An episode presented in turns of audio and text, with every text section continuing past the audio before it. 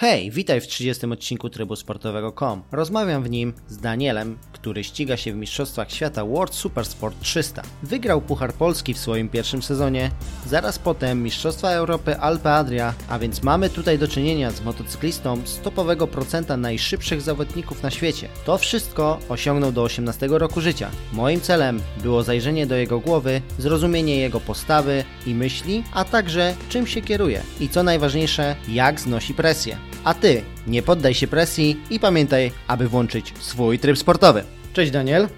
Cześć. Dzisiaj porozmawiamy sobie o psychice młodego zawodnika na, można powiedzieć, na najwyższym poziomie na świecie. Więc wygrałeś Supermoto w Polsce, wygrałeś w 300 w Polsce i w Europie, w Alpe Adria, o ile dobrze kojarzę. Tak, tak, zgadza się. A do tego konkurowałeś o motocykl z najszybszymi, najmłodszymi motocyklistami na świecie w Red Bull Rookie Cups.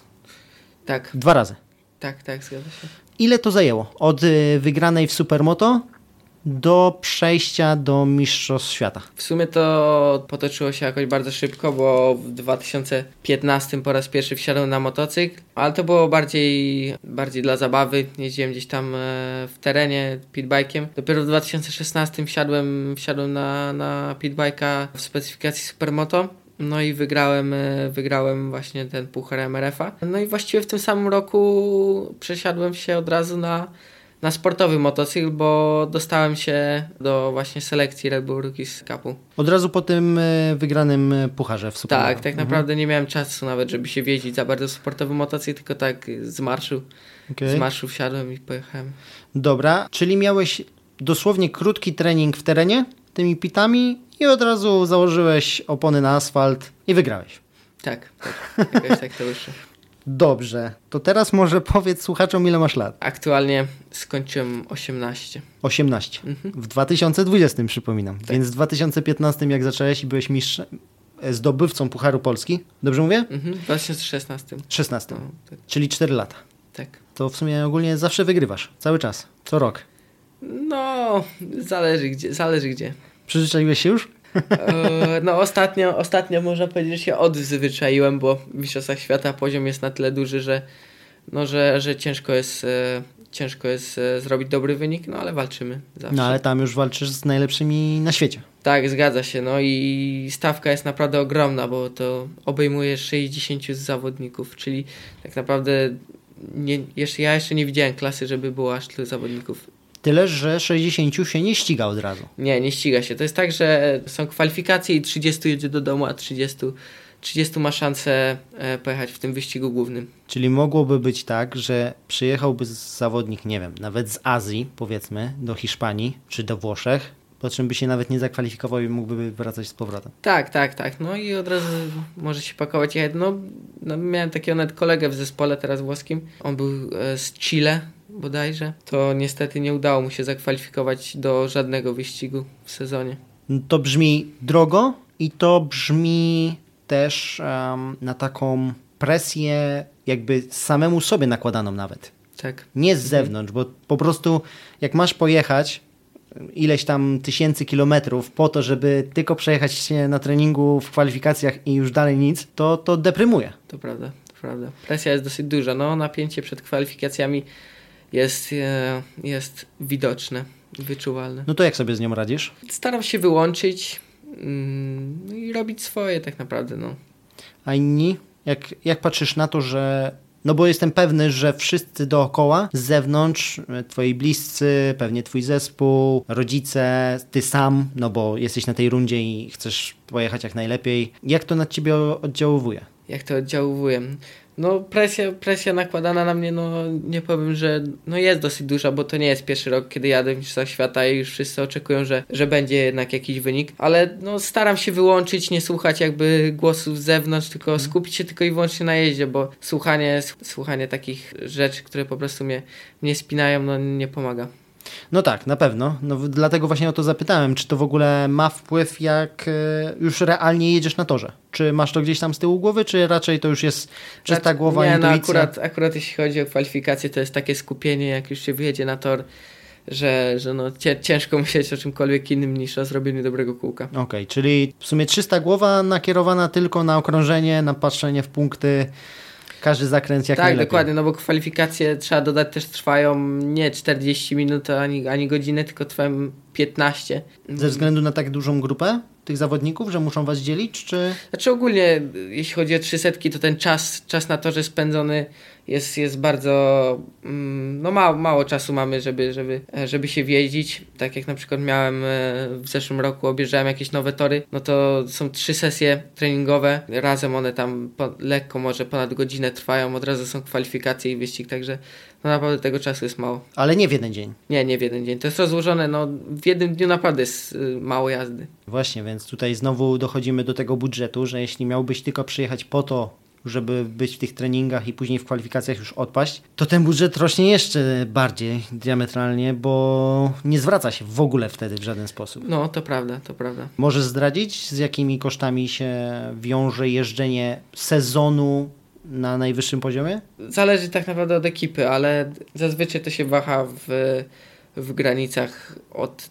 30-40 tysięcy euro aż po, aż po 150 tysięcy euro słyszałem oferty. No wszystko zależy od ekipy. Okay. Od ekipy i oczywiście od zawodnika, bo niektórzy są wiadomo bardziej pożądani, niektórzy mniej. Też bym chciał od razu dopytać, jak mocno różnią się te zawody? No bo wygrywałeś w jednych, wygrywałeś w drugich, teraz walczysz o o punkty i o najlepsze pozycje w Mistrzostwach Świata. Jak duże różnice są zarówno w rywalach, ale także i w ogóle wielkości imprezy, w tej całej otoczce, która jest na przykład na Mistrzostwach Polski, a na Mistrzostwach Świata. Ja no trzeba przyznać, że to jest zupełnie co innego. Zu, zupełnie inny świat i też się o tym przekonałem, bo po, właśnie zaraz po wygraniu tego Mistrzostwa Europy, Alpa Adria, dostaliśmy dziką kartę na, na rundę w Portugalii. I myśli, myśleliśmy, że od razu z biegu zrobimy jakiś przyzwoity wynik. No a zderzyliśmy się z rzeczywistością. E, no i ten poziom różni się, się bardzo. No, no w tych mistrzostwach świata to naprawdę, naprawdę jest kosmiczny. Czyli chcesz powiedzieć, że w Alpe Adria wygrywało się łatwo? W sensie, no nie wiem jak jest teraz, bo ja, ja się ścigałem w 2017 roku.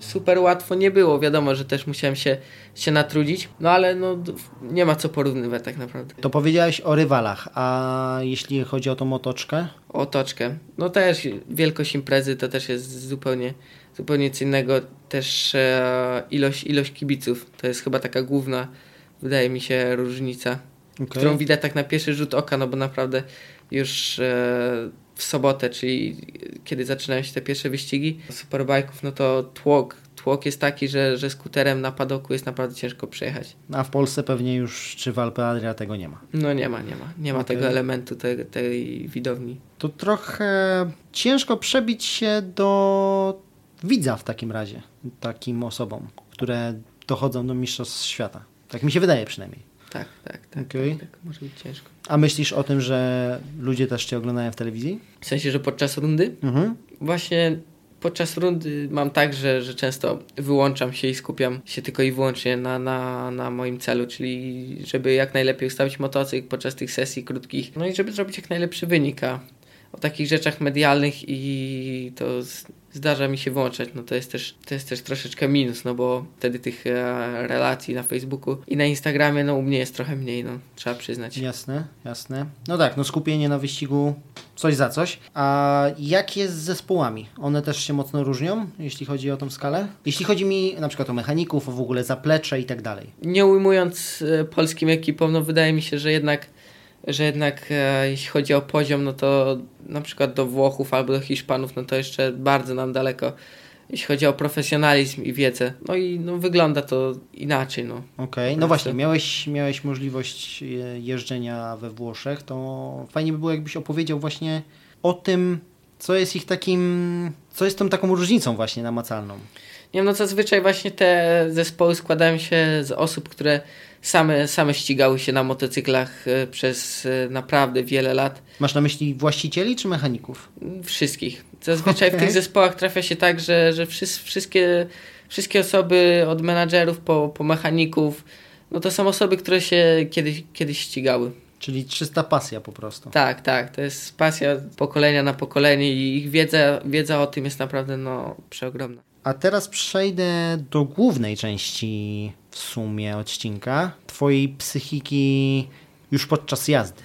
Czy na przykład się boisz, jak jedziesz? Czy masz, może boisz, to może złe słowo, ale czy odczuwasz w jakichś sytuacjach strach? No nie wiem, w twojej klasie to jest normalne, że wy tam niemal na łokcie się, hmm, może złe słowo, bijecie, ale dosłownie dotykacie się łokciami w zakrętach. Czy to ma jakiś wpływ na ciebie?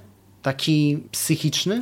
W sensie ja nie mam jakiejś blokady przed, przed jazdą w tak dużej grupie. No, klasa 300 jest właśnie taką klasą, gdzie, gdzie walka jest naprawdę bardzo mm, zażarta. I tak jak właśnie powiedziałeś, walka jest na łokcie, ale nie mam jakiejś takiej blokady, blokady ani że, że boję się jechać tak, tak blisko, czy coś w tym stylu. Mhm. No ale są sytuacje, w których, w których e, nieraz przesadzę, czy coś, no i zdarza się. Okay. Zdarza się oczywiście, że przestraszę. To może inaczej. Może miałeś taką sytuację gdzieś na torze, że odczułeś agresję do innego zawodnika, że na przykład właśnie, nie wiem, no trafił cię łokciem w zakręcie, czy... Znaczy myślę, że to jest, to jest w sumie nieodłączny element na każdej okay. rundzie, no bo to jest taka sportowa agresja, która, która też motywuje i, i pozwala wspiąć się na wyżyny. A jesteście kumplami w padoku takimi hardkorowymi rywalami na torze? W sensie, czy kumplami na padoku to, to nie powiedziałbym, bo jest hmm. czuć taką dosyć.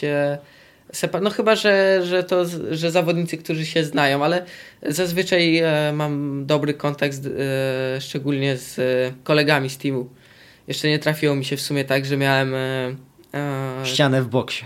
Tak, ścianę w boksie, kolegę z teamu, z którym odczuwał, do którego odczuwałbym jakąś niechęć czy coś. Zawsze jakoś to jest po koleżeńsku, także... Właśnie, poruszyłeś dobry temat, bo w sumie o nim nie pomyślałem na początku. Teammate.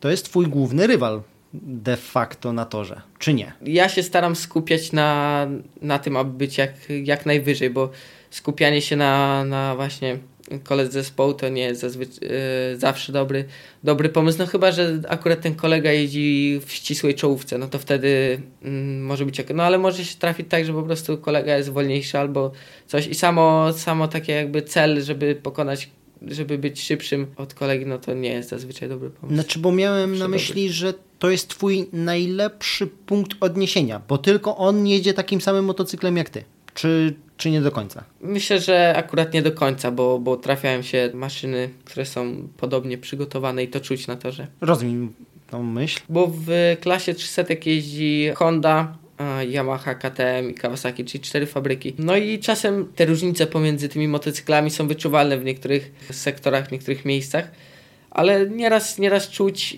i słychać, że po prostu ta maszyna, która jedzie przed tobą jest, jest podobnie przygotowana. I Rozpoznajesz to po dźwięku?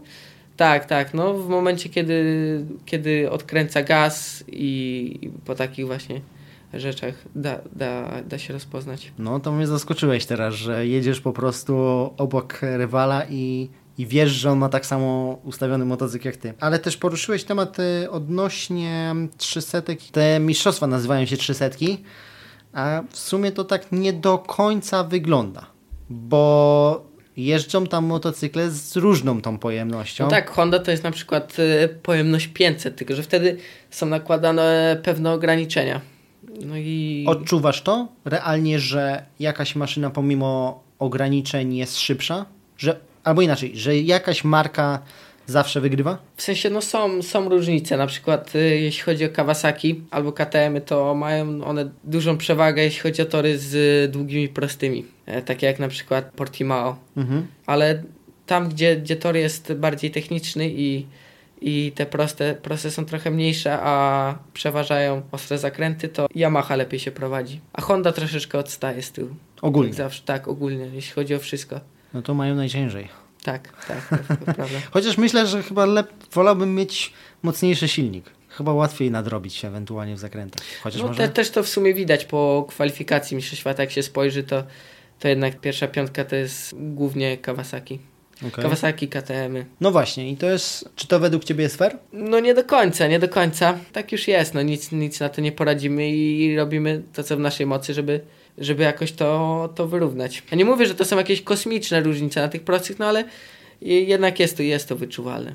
No tak, no bo jeśli całe okrążenie na przykład nadrabiasz na zakrętach, wyprzedzasz na samym końcu, a ktoś cię później dochodzi na prostej, to jest taki trochę niesmak, że cała ta twoja praca poszła trochę na marne. No tak. Czy jak jedziesz już na torze, to masz jeszcze takie myślenie, że zastanawiasz się, co zrobić?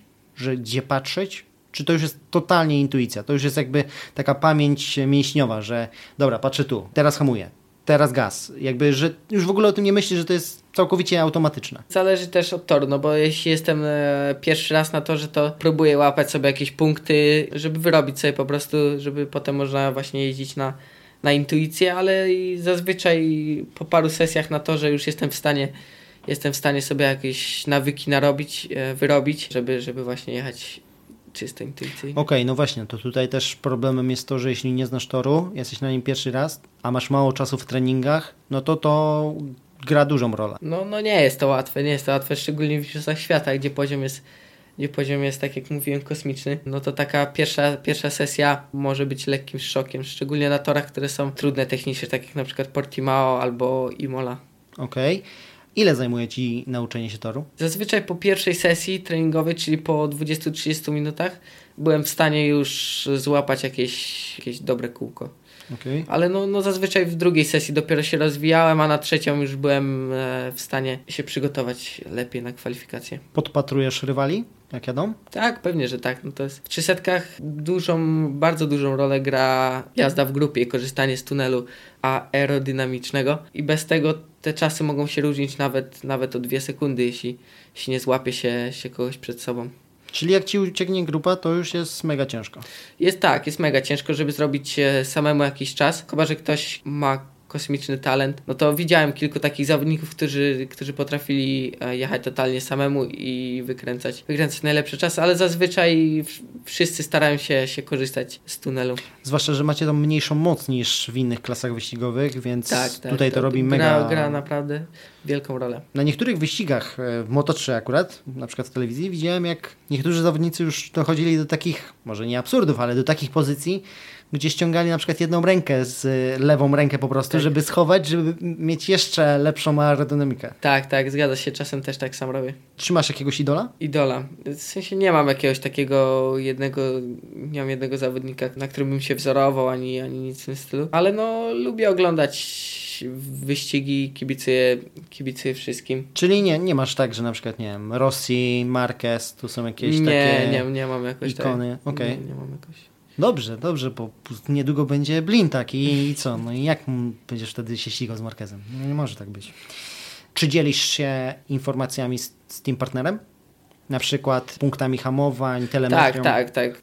Szczególnie na, na testach przedsezonowych jest ta wymiana pomiędzy kolegami jest duża i no pomaga to. Okej, okay, bo e, wtedy kontrolujesz, patrzysz, gdzie ty jesteś szybszy, a gdzie oni, czy... Tak, też analizujemy telemetrię i po, po prostu nakładamy e, jego, jego najszybszy przejazd e, z moim najszybszym przejazdem, no i porównujemy te, te punkty hamowań, prędkości w zakrętach, no i takie rzeczy, które mogą później pomóc zrozumieć, żeby, żeby wykręcić przekółko. To tam widzisz od razu, ile na przykład e, rol gazu miał w danym zakręcie, tak? Tak, tak, no wychodzi od razu wszystko. Czy w przypadku telemetrii też sprawdzasz na przykład częstotliwość swoich równych czasów?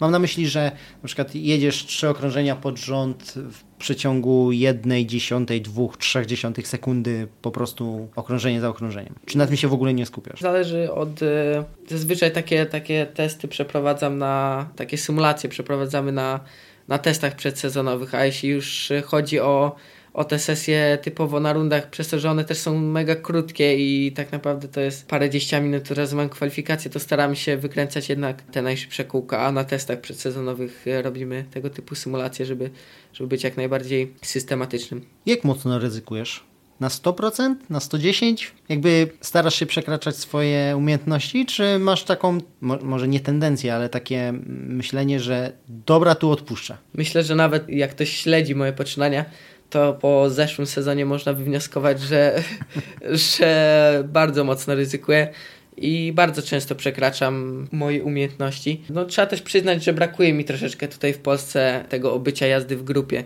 W sensie Mhm. regularnych treningów, y, żeby jeździć z kimś y, właśnie koło w koło, albo kilku sparring partnerów, żeby, no, żeby po prostu wyrobić sobie taki pełny komfort tej jazdy i żeby wiedzieć na co można sobie pozwolić, bo często właśnie zdarzało mi się przeholować po prostu z tego braku wytrenowania, wydaje mi się. Też tutaj trzeba nakreślić, że ty jeździsz od czterech lat, a tamci goście od czwartego roku życia już wsiadają na motocykl i to jest mega późno, jak w, na, w czwartym roku życia. No, no czasem właśnie widać, że, że troszeczkę brakuje mi takiej, takiego objeżdżenia typowego. To jest talent czy ciężka praca? No na pewno musi być połączone. I to, i to musi być. I to, i to. Czyli nie da się nauczyć mega szybkiej jazdy, po prostu tyrając jak wół na torze. Myślę, że, że można by było zrobić z kogoś, kto jest antytalentem nawet do tego szybkiego zawodnika, no ale na pewno zajęłoby to bardzo długi czas. I dużo finansów. Tak, tak, tak. Okej, i dużo rozwalonych motocykli. Czy znasz się na mechanice? Na mechanice. Jeśli chodzi o takie, takie podstawowe e, rzeczy, jeśli chodzi o, o jakieś zawieszenie, no i ogólnie takie, takie podstawowe akcje jakieś serwisowe, to, to ogarniam, ale gorzej jeśli chodzi o, o silniki. Okej, a jak tak, to... żeby coś samemu naprawić, czy, czy coś w tym stylu, to, to ciężej. No tak, no ty masz jeździć, ty nie masz naprawiać, No tak. więc masz od tego ludzi. To w takim razie ustawienia są twoje czy mechaników? Też zależy od sytuacji. Bardzo często jest tak, że, że ja wpadam na jakiś pomysł i tak ustawiam motocykl, a często też jest tak, że po prostu wzorujemy się na ustawieniach, które były w zeszłym roku, albo mechanicy też sugerują, patrząc po telemetrii, jak się zachowuje też motocykl i po moich e, właśnie odczuciach z jazdy też sugerują jakieś ustawienia. Także wszystko zależy. To jesteś na przykład w stanie jakąś tam dosłownie, nie wiem, mikroskopijną zmianę odczuć w jeździe? Typu, no nie wiem, zmieniasz tam dobicie zawieszenia, czy odbicie, czy nie wiem, choćby No, ciśnienie o jakieś Czasem, tam... czasem jedne, dwa, dwa kliki mogą robić naprawdę ogromną różnicę, jest to od razu wyczuwalne. Okej. Także no, no czuć, czuć. Czyli wiesz, kiedy ci ucieka, kiedy trzyma. Tak, zazwyczaj wiem, co jest nie tak, ale też się zda- zdarzają takie sytuacje, że, że nie wiem za bardzo czemu, czemu dzieje się tak, jak się dzieje i też dlatego fajnie jest mieć w zespole doświadczone osoby, które mogą wywnioskować to. Telemetria w tym pomaga? Tak, też na pewno. Okej, Bardzo. bo jak się zastanawiam, czy to wygląda w ten sposób, że po prostu zjeżdżasz i mówisz, nie no, to, to, to trzeba zmienić i będę 3 sekundy szybszy. Czasem jest tak, a czasem jest tak, że, e, że musimy długo analizować, żeby dojść do tego, co, co, co jest nie tak. Okej, zastanawiasz się też na przykład nad e, kwestią fizyki, jaka wpływa na ruchy, które wykonujesz? Typu, no nie wiem, hamujesz, no to e, nurkuje przód. Czy to w ogóle już jest jakby taka podstawowa wiedza, że jakby nawet już nie myślisz o tym? W sensie, no, będąc w te, takim profesjonalnym zespole wyścigowym i rozmawiając e, z taką ilością techników od zawieszenia i, i specjalistów, no to już samo to słuchanie, już no, no wiem po prostu o co chodzi i, i co można poprawić, żeby, żeby nie działo się tak, jak się dzieje. Okej, czyli bierzesz doświadczenie innych, starszych na swoje, przekładasz, Tak. okej. No i sprawdzasz, czy się sprawdziło, czy nie. Dokładnie. No dobrze, to jak wygląda takie życie takiego sportowca? Już, no, jesteś profesjonalnym sportowcem, według mnie.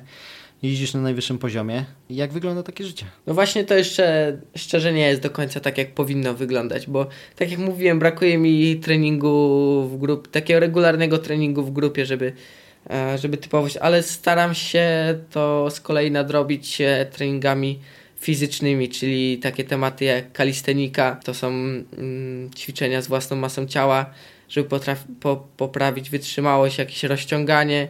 E, chodzę też do fizjoterapeuty, no i staram się jakoś nadrabiać te braki, które na razie mam, jeśli chodzi o regularny trening na, na motocyklu i z innymi zawodnikami, staram się jakoś nadrobić e, innymi rzeczami. No to na pewno takie treningi, bo pewnie jest ich sporo. Czy to się wiąże z jakimiś wyrzeczeniami w Twoim życiu?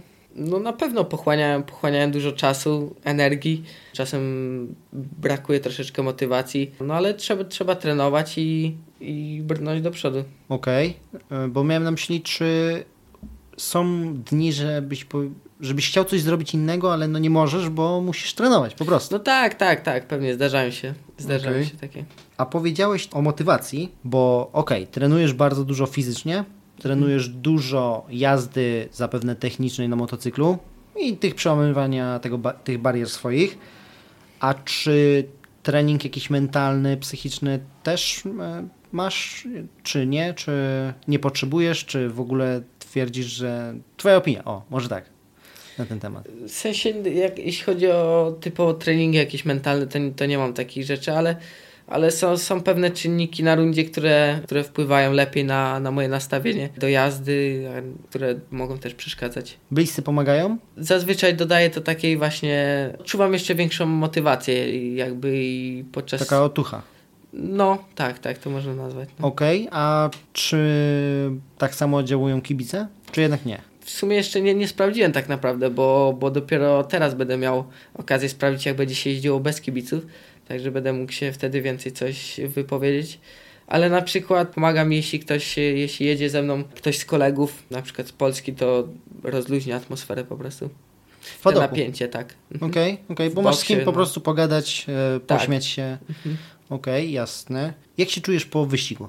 Zależy jak poszło też, nie? Okay, Oczywiście, ale jasne. jestem zadowolony, nawet jeśli nie poszło mi, bo to jest zawsze zebrane doświadczenie i zawsze więcej jazdy Także nawet jeśli, nawet jeśli ten wynik nie jest zadowalający, to samo to, że mogę, mogę tam jeździć i ścigać się z takimi za, z zawodnikami e, Mistrzostw Świata, w ogóle w Mistrzostwach Świata, że mogę brać udział, no to, to jednak jest coś, coś fajnego. No tak, no nie każdy może sobie na to pozwolić, wręcz promil kości może sobie pozwolić na bycie top 0,5%, 1% najlepszych w danych dyscyplinach sportu, ale też jak to wyglądało na początku z e, wizji Twoich rodziców? No bo z reguły jest tak, że jak dziecko, a no powiedzmy sobie szczerze, jak miałeś 13-14 lat, no to jeszcze dzieciak, czy nie mieli takich obiekcji, że no nie wiem, czy tutaj go wsadzić na motocykl, a jak w sensie, sobie coś na, zrobi? Na początku to myślę, że to jest normalne dosyć, że, że rodzice się martwią. E, szczególnie w moim przypadku to była mama, ale potem jakby z rundy na rundę to było przełamywane i no i wiadomo, że nadal na pewno jest jakiś tam strach i stres, ale on już jest naprawdę w niskim, mi się wydaje, stadium. A jak inni na to reagują wtedy, teraz, twoi bliscy? Czy coś się zmieniło? Na przykład to, że no jesteś w Mistrzostwach Świata, no to niektórych może, niektórzy mogą zazdrościć, niektórzy mogą podziwiać. W sensie nie, no jeśli chodzi o rodzinę, to od początku, od początku mogą liczyć na ich doping i zawsze mi kibicują i i to się jakby nie zmienia, niezależnie czy że w, w pitbike'ach, supermoto, czy też w mistrzostwach świata. A przyjaciele? Mm, myślę, że też, te, też to podobnie wygląda właśnie, jeśli, jeśli chodzi... No w sumie tak, bo pewnie masz już tylko gości, którzy latają na moto tak jak ty. Większość tak, większość tak. Dobra, no to tak naprawdę zmierzamy ku końcowi odcinka i te trzy pytania zawsze zadaję każdemu gościowi e, w moim programie. Mhm.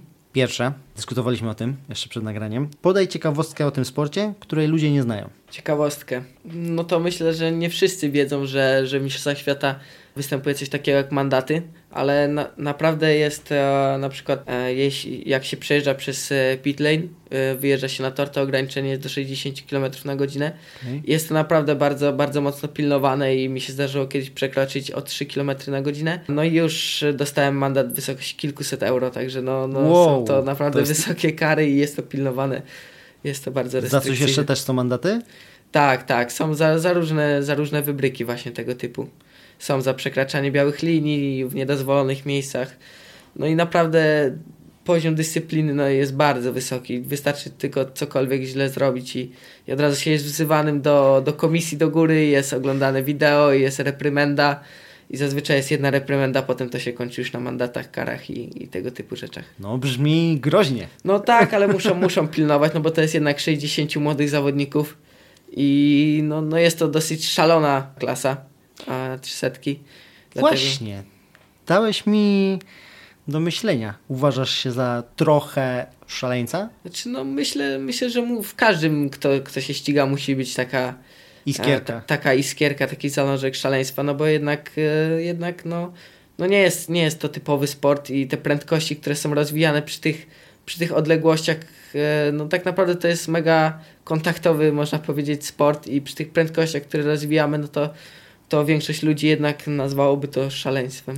A jak mocno różnią się właśnie modyfikacje w supersporcie od e, stoku, tak, e, od takiego motocykla zupełnie jakbyśmy mogli kupić ze sklepu? No są to dosyć, e, dosyć duże przeróbki. Bo chodzi mi o to, jak na przykład o ile więcej możesz jechać, albo o No ile zazwyczaj możesz... ta moc, ta moc się zwiększa do kilkunastu, do kilkunastu koni.